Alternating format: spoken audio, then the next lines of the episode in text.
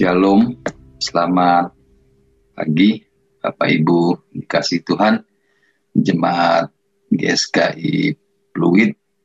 Saya berdoa supaya kiranya kita semua dilindungi Tuhan dan tetap menjaga protokol kesehatan karena kita tahu bahwa sejak bulan Maret 2020 dan sampai saat ini uh, nyawa manusia seperti tidak ada harganya. Ya. Kalau mendengar orang meninggal sudah bukan hal yang mengagetkan, tapi menjadi hal yang biasa. Bahkan orang-orang yang kita kenal, kalau kita meninggal, ya kalau mereka meninggal kita hanya lihat di medsos lalu kita berkata rip. Ya paling hanya itu saja yang bisa kita lakukan.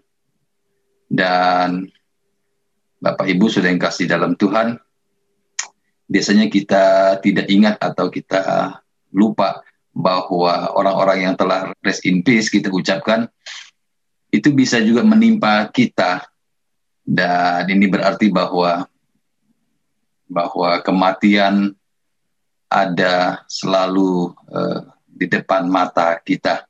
Nah, pada saat ini 10 Januari 2020 2021 Bapak Ibu yang kasih dalam Tuhan kita akan mendengar atau kita belajar bersama-sama kita merenungkan kebenaran firman Tuhan. Uh, saya berdoa kita juga supaya ketika kita melihat fenomena yang terjadi selama ini tidak membuat kita menjadi pesimis ya uh, jemaat GSKI Fluid tidak membuat kita menjadi uh, tidak semangat lagi dengan mengiring Tuhan. Tapi kita harus tetap uh, mempunyai gairah atau spirit yang yang kuat ya supaya kita tidak lemah dan putus asa ketika melihat apa yang terjadi di depan mata kita. Dan ini bukan hanya di, di terjadi di Indonesia tetapi ini terjadi di seluruh dunia. Tentu segala sesuatu bagi kita orang percaya tidak ada yang kebetulan. Nah Alkitab berkata bahwa Allah turut bekerja dalam segala sesuatu mendatangkan kebaikan bagi nah ini penting bagi orang yang mengasihi dia Nah, tapi sebelumnya kita membaca firman Tuhan, saya ajak Bapak Ibu kita berdoa terlebih dahulu. Mari kita bersatu dalam doa. Kami masih diberi kesempatan hidup dan pada hari ini kami akan mendengar kebenaran firman Tuhan melalui pembacaan Alkitab dan melalui media seperti ini. Kami tahu walaupun kami ada di rumah masing-masing, atau di mana pun kami berada, kami tahu dan kami menyadari bahwa Allah hadir bersama-sama dengan orang percaya. Terima kasih Bapak di surga, kami akan mendengar, kami akan merenungkan kebenaran firman Tuhan di kesempatan hari ini. Terima kasih. Di dalam nama Tuhan Yesus kami berdoa. Amin. Bapak Ibu yang dikasih dalam Tuhan, saya mengajak Bapak Ibu sekalian kita membuka Alkitab kita di dalam Injil Lukas 16. Injil Lukas 16 sudah-sudah yang kasih dalam Tuhan. Ayat yang ke-19 mulai. Mungkin tidak semuanya kita bacakan karena panjang sekali perikop ini, tetapi nanti saya akan menguraikan dengan singkat saja. Nah, kita akan baca ayat 19 ayat 19 sampai ayat yang ke-25 saja. Nanti kita akan sambung lagi. Ayat 19, ada seorang kaya yang selalu berpakaian jubah ungu dan kain halus. Dan setiap hari ia bersukaria dalam kemewahan. Ayat 20, Bapak Ibu, saudara sekalian. Dan ada seorang pengemis bernama Lazarus badannya penuh dengan borok, berbaring dekat pintu rumah orang kaya itu. Dan ingin menghilangkan laparnya, dengan apa yang jatuh dari meja orang kaya itu. Malahan anjing-anjing datang dan menjilat boroknya. Kemudian matilah orang miskin itu. Lalu dibawa oleh malaikat-malaikat ke pangkuan Abraham. Orang kaya itu juga mati, lalu dikubur. Dan sementara ia menderita sengsara di alam maut, ia memandang ke atas, dan dari jauh dilihatnya Abraham, dan Lazarus duduk di pangkuannya. Lalu ia berseru, katanya, Bapak Abraham, kasihanilah aku, suruhlah Lazarus supaya ia mencelupkan ujung jarinya ke dalam air dan menyejukkan lidahku, sebab aku sangat kesakitan dalam nyala api ini. Tetapi Abraham berkata, Anak, ingatlah bahwa engkau telah menerima segala yang baik sewaktu hidupmu, sedangkan Lazarus segala yang buruk. Sekarang ia mendapat hiburan, dan engkau sangat menderita. Saudaraku yang kasih dalam Tuhan, sekali lagi pada hari ini tanggal 10 Januari, minggu kedua kita beribadah melalui YouTube. Biarlah eh, keadaan ini tidak membuat kita menjadi takut ya atau membuat kita menjadi lemah dengan apa ya iman kita. Tapi kita harus yang benar adalah kita harus mempersiapkan kehidupan kita. Ya, kehidupan. Kenapa? Karena supaya jangan sampai kita menjadi mengalami penyesalan hidup mungkin Bapak Ibu dalam hidup kita ini kita pernah atau bahkan sering menyesal. Banyak orang dalam hidup ini pasti mengalami penyesalan. Dan penyesalan itu bisa berbagai faktor. banyak banyak hal yang membuat kita bisa menyesali hidup ini. Tetapi ada satu yang sangat mengerikan, menakutkan ya ada satu penyesalan yang sangat menye menyakitkan atau mengerikan yaitu yang kita baca pada pada saat ini yang dialami oleh orang kaya yang di dalam Injil Lukas 16 yang dikisahkan dalam Injil Lukas 16 yang barusan kita baca. Ini penyesalan yang apa namanya? Penyesalan yang tidak ada solusinya penyesalan yang tidak bisa ditanggulangi lagi. Nah, Bapak Ibu Saudaraku, sebenarnya kekristenan itu, kekristenan kita ini hendak menggiring kita, hendak menggiring saudara dan saya, kita semua agar terhindar dari penyesalan yang mengerikan ini. Kenapa? Karena memang tidak bisa ditanggulangi, tidak bisa diulangi, tidak bisa diperbaiki lagi. Maka itu eh, Bapak Ibu Saudaraku, sekali lagi kekristenan sebenarnya untuk menghindarkan kita dari eh, keadaan tersebut. Dari pembacaan ini, saudara, ya, kita akan melihat paling tidak ada beberapa hal penting yang akan yang akan kita renungkan bersama-sama. Yang pertama, Bapak Ibu, jemaat eh, GSKI Pluit, yang pertama adalah kita memahami adanya realita, ya. adanya realita kematian. Dan ini bukan karena saja karena pandemi COVID ini saya bicara tentang adanya realita kematian. Sebelum pandemi COVID pun sudah memang ada realita kematian itu. Ya. Manusia hidup dalam hidup di, di dunia ini dinantikan oleh yang namanya kematian. Sebelum kematian manusia mengalami selama hidup di dunia ini mengalami banyak hal, ya termasuk penderitaan, baik fisik maupun batin, penderitaan fisik maupun batin itu tidak bisa terhindar, saudaraku. Nah inilah warna kehidupan. Belum lagi masalah penderitaan karena kekurangan uh, finansial, masalah karakter, dan itu semua adalah warna kehidupan di mana di mana kita belajar melihat fakta kehidupan yang sesungguhnya bahwa hidup kita di dunia ini adalah hidup yang tragis. Tragis sekali saudaraku. Kalau tidak mengerti kebenaran, kalau tidak mempersiapkan hidup dengan baik, tragis.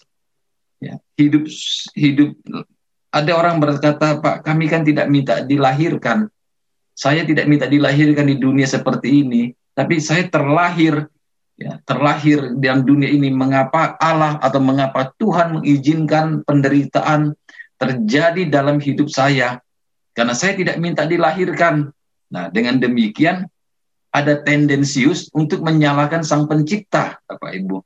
Untuk menyalahkan pertama menyalahkan Tuhan, kedua menyalahkan menya, me, mempersalahkan keadaan, ya, mempersalahkan keadaan situasi. Tapi yang yang paling parah dalam hati seseorang sebenarnya menyalahkan sang pencipta, menyalahkan Tuhan.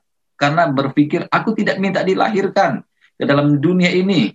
Tapi aku terlahir di dalam dunia yang sudah uh, rusak, dunia yang sudah tenggelam, dunia yang sudah jauh dari Tuhan, atau dunia yang sudah berdosa ini. Nah, untuk itu, kalau sudah terlahir dalam dunia ini, maka apa yang terjadi dalam hidup saya pasti ada penyebabnya. Ya, ya penyebabnya adalah Tuhan. Karena Tuhan yang mengizinkan saya lahir ke dalam dunia ini. Nah ini pemikiran-pemikiran inilah yang memicu banyak orang akhirnya menjadi ateis. ya Tidak mau, tidak mengerti, tidak mau belajar, tidak memahami adanya Tuhan. Kalau Tuhan ada, mengapa dunia ini kacau? Gitu ya. Mungkin Bapak Ibu juga pernah berpikir begitu barangkali ya. Kalau Tuhan ada, eh, mengapa dunia ini begini? Di mana Tuhan? Di mana di mana Allah yang maha kuasa itu?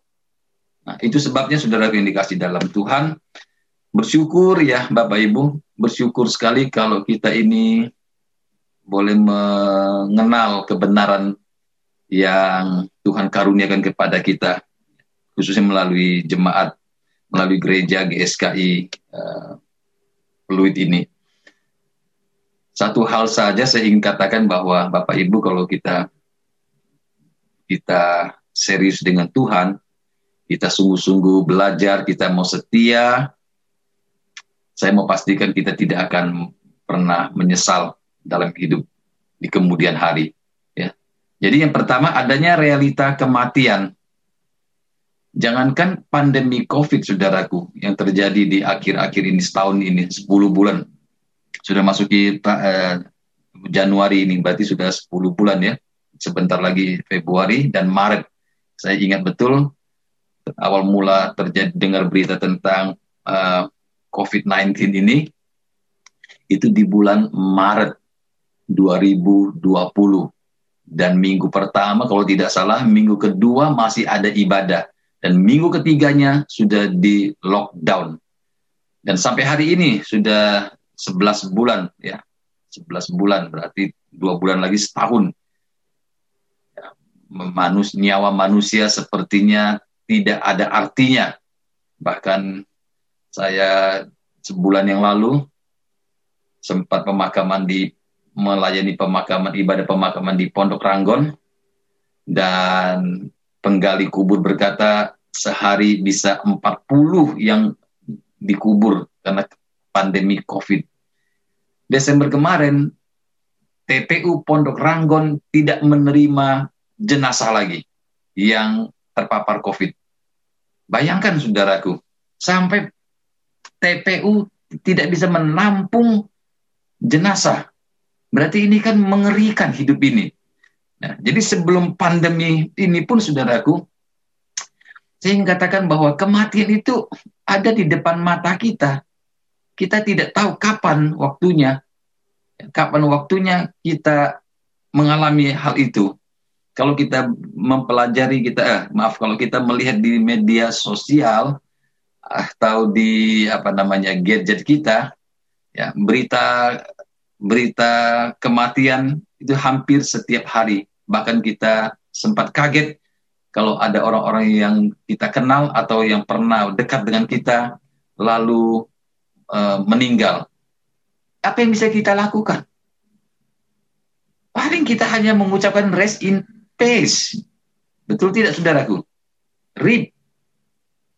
Hanya itu yang bisa kita lakukan dan sambil kita uh, mempunyai perasa takut, gentar, iba atau apa pun juga Artinya kita tidak bisa buat apa-apa, saudara-saudara.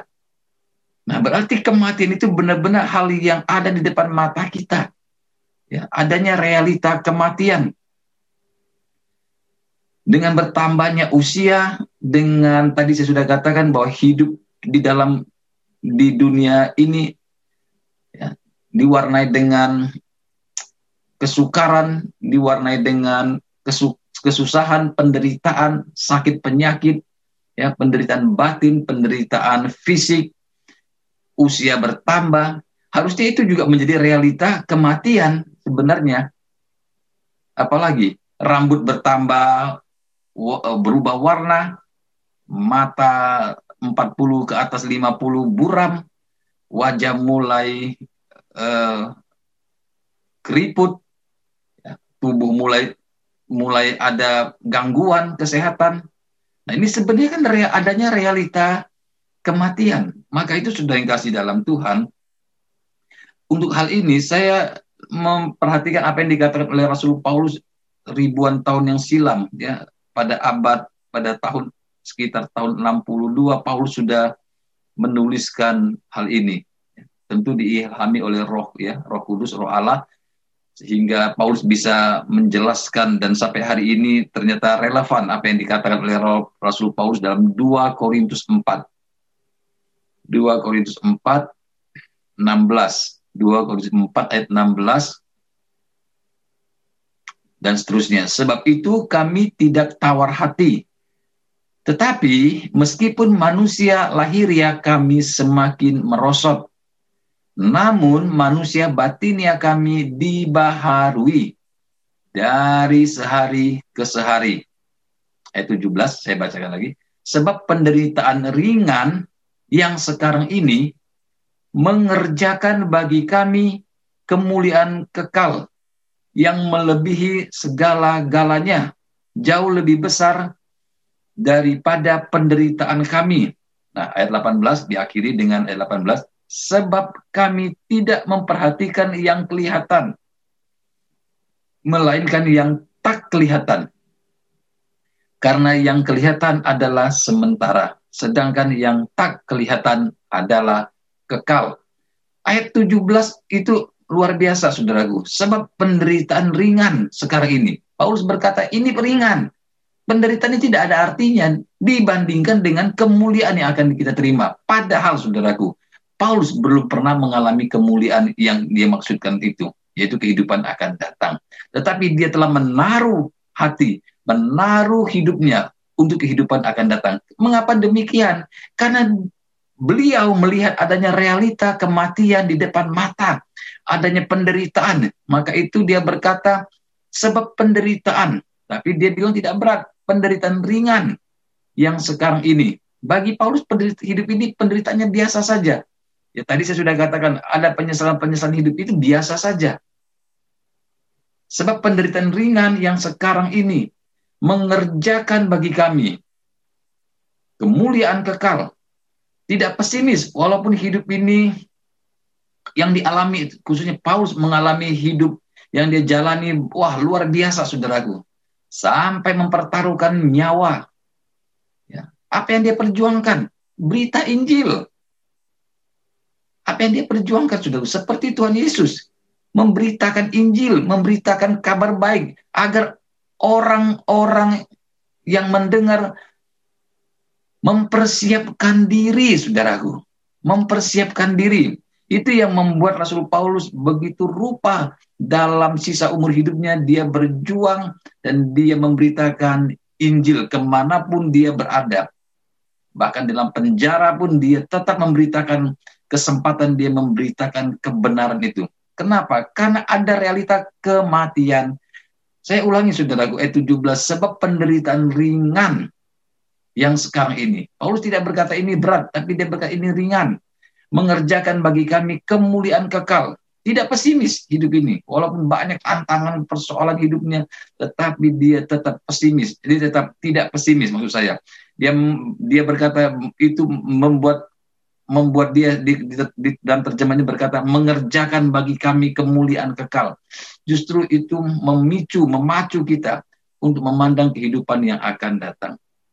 Jadi yang pertama Bapak Ibu Saudara kasih dalam Tuhan, kita harus memahami bahwa hmm, hidup ini ya hidup ini adanya realita dalam hidup ini adanya realita kematian artinya hidup ini bukan segala-galanya ya nah dengan kita menyadari bahwa adanya realita kematian maka Musa berkata apa ajarlah kami menghitung hari-hari kami sedemikian rupa. Lalu ayat-ayat berikutnya ayat 12 dalam Mazmur 90 itu ya. Agar kami beroleh hati yang bijaksana, hati yang bijak. Artinya hati yang orang-orang yang boleh mempersiapkan kehidupan di kehidupan yang mendatang. Tadi dalam Injil Lukas, kita balik lagi dalam Injil Lukas 16 yang kita baca tadi kisah tentang orang yang berpakaian jubah ungu, kain halus dan pembandingnya adalah Lazarus yang miskin, sangat miskin, bahkan anjing-anjing pun menjilat lukanya. Ayat ke-22 ya, Injil Lukas tadi, matilah orang miskin itu lalu dibawa oleh malaikat-malaikat ke pangkuan Abraham karena orang miskin ya, tidak ada prosesi pemakaman barangkali ini ya. Tidak ada tidak ada yang menghantar.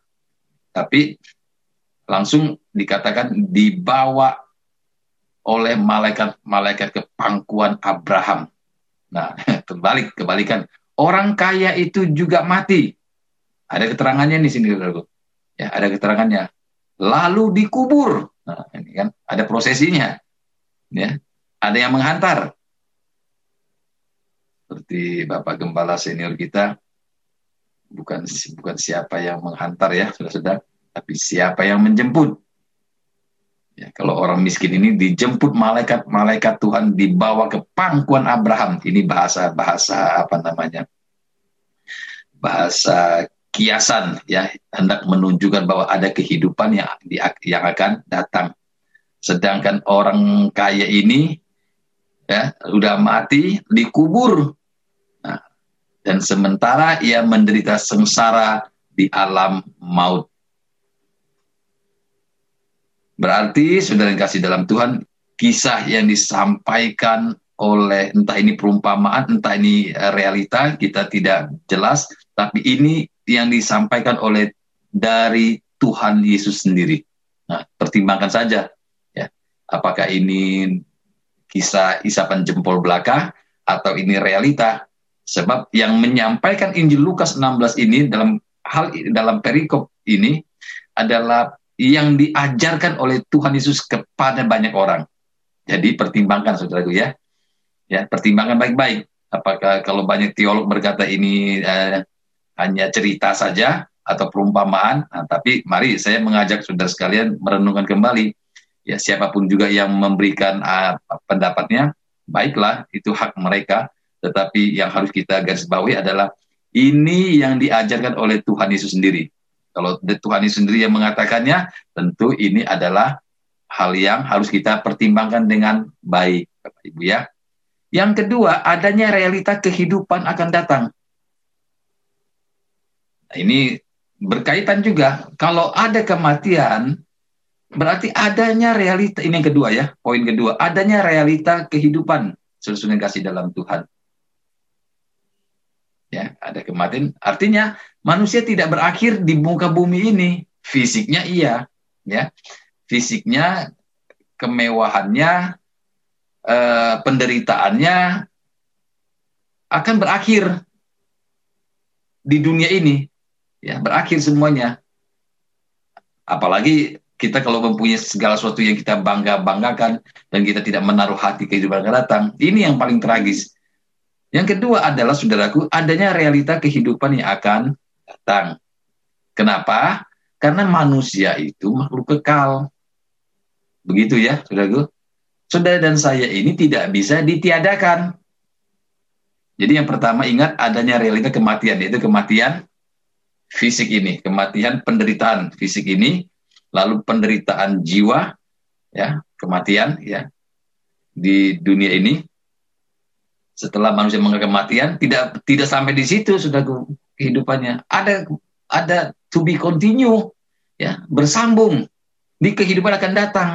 Nah jadi yang kedua adanya realita kehidupan yang akan datang. Itu yang dikisahkan juga dalam Injil Lukas ini.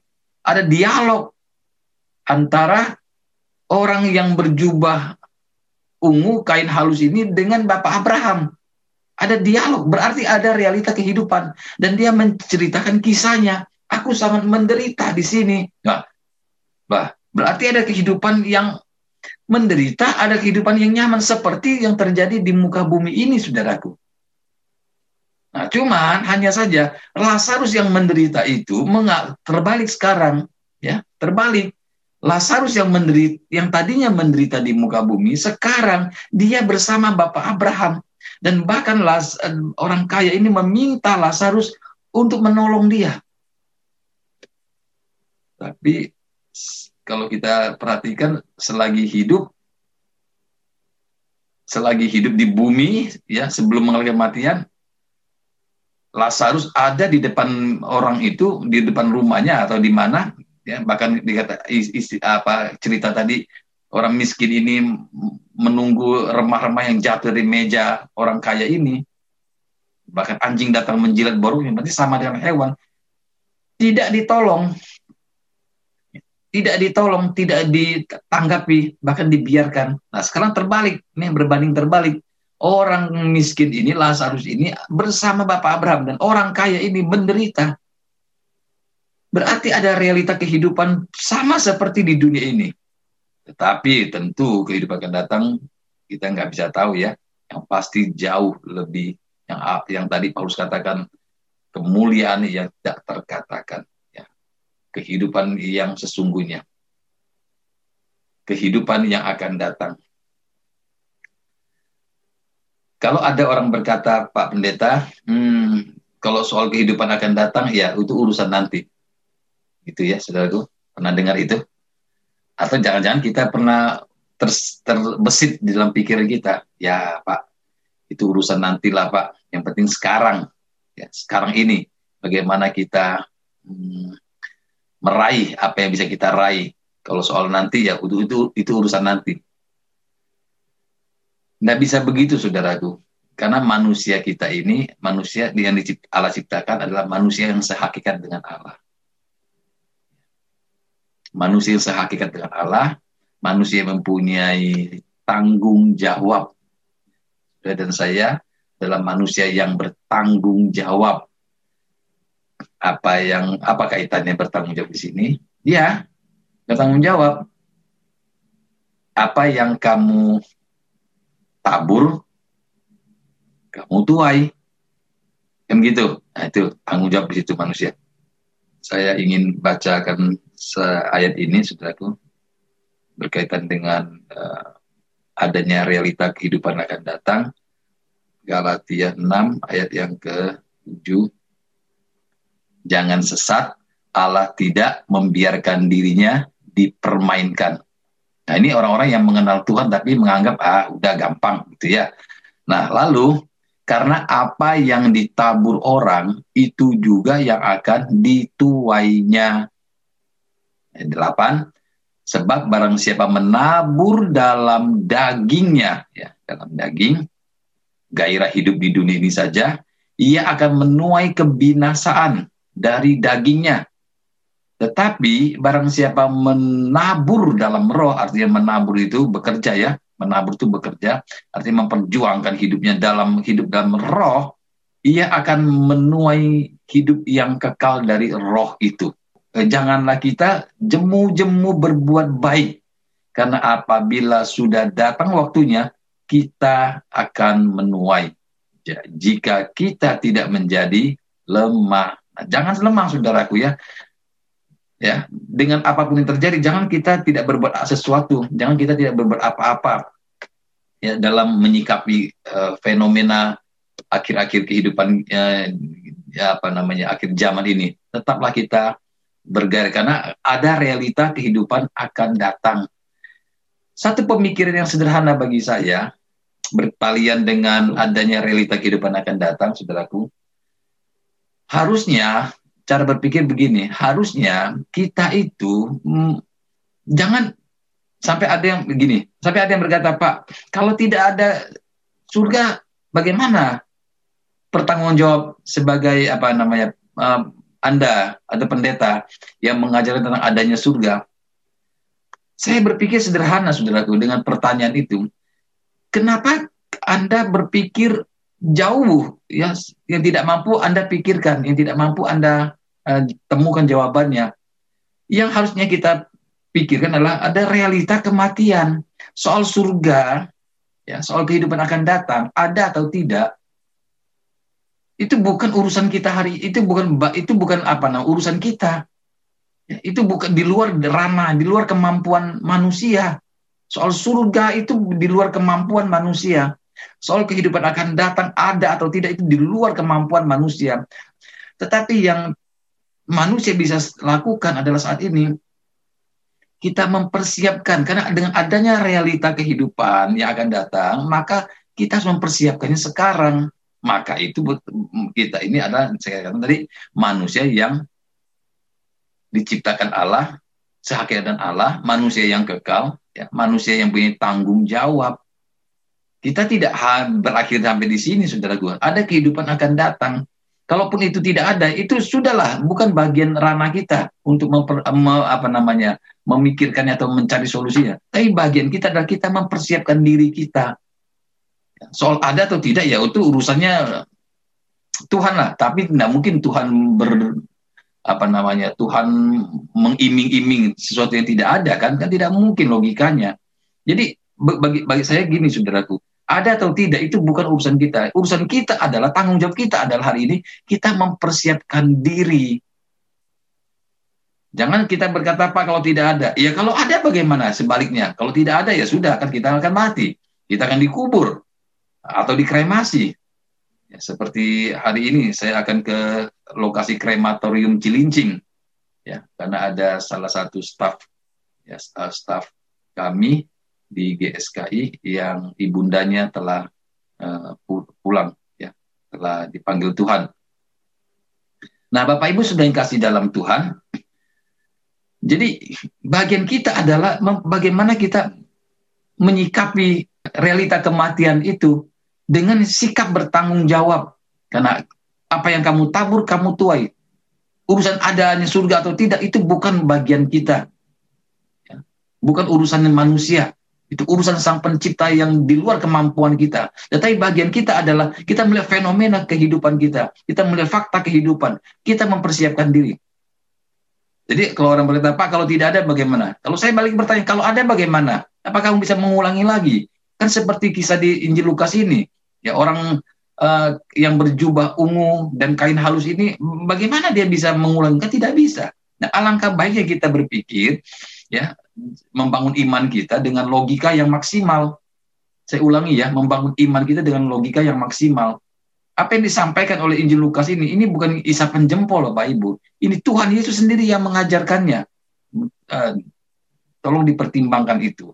Nah, oleh sebab itu jemaat GSKI, Bapak Ibu, orang-orang percaya di mana pun sudah berada melalui siaran, melalui YouTube ini, ya melalui GSKI Fluid ini, kita sama-sama tidak kebetulan ketika Bapak Ibu mendengarkan ya, khotbah ini pada saat ini. Mari kita mempersiapkan hidup kita karena manusia adalah makhluk yang bertanggung jawab tidak bisa menyalahkan Tuhan mengapa begini nasibku. Justru kehidupan kita di muka bumi adalah persiapan kita untuk kita menata hidup kita supaya ketika waktunya tiba tidak perlu kena pandemi Covid. Apa pun juga yang bisa menimpa kita. Kita diterima ya di pangkuan Abraham bukan dalam penderitaan di alam maut.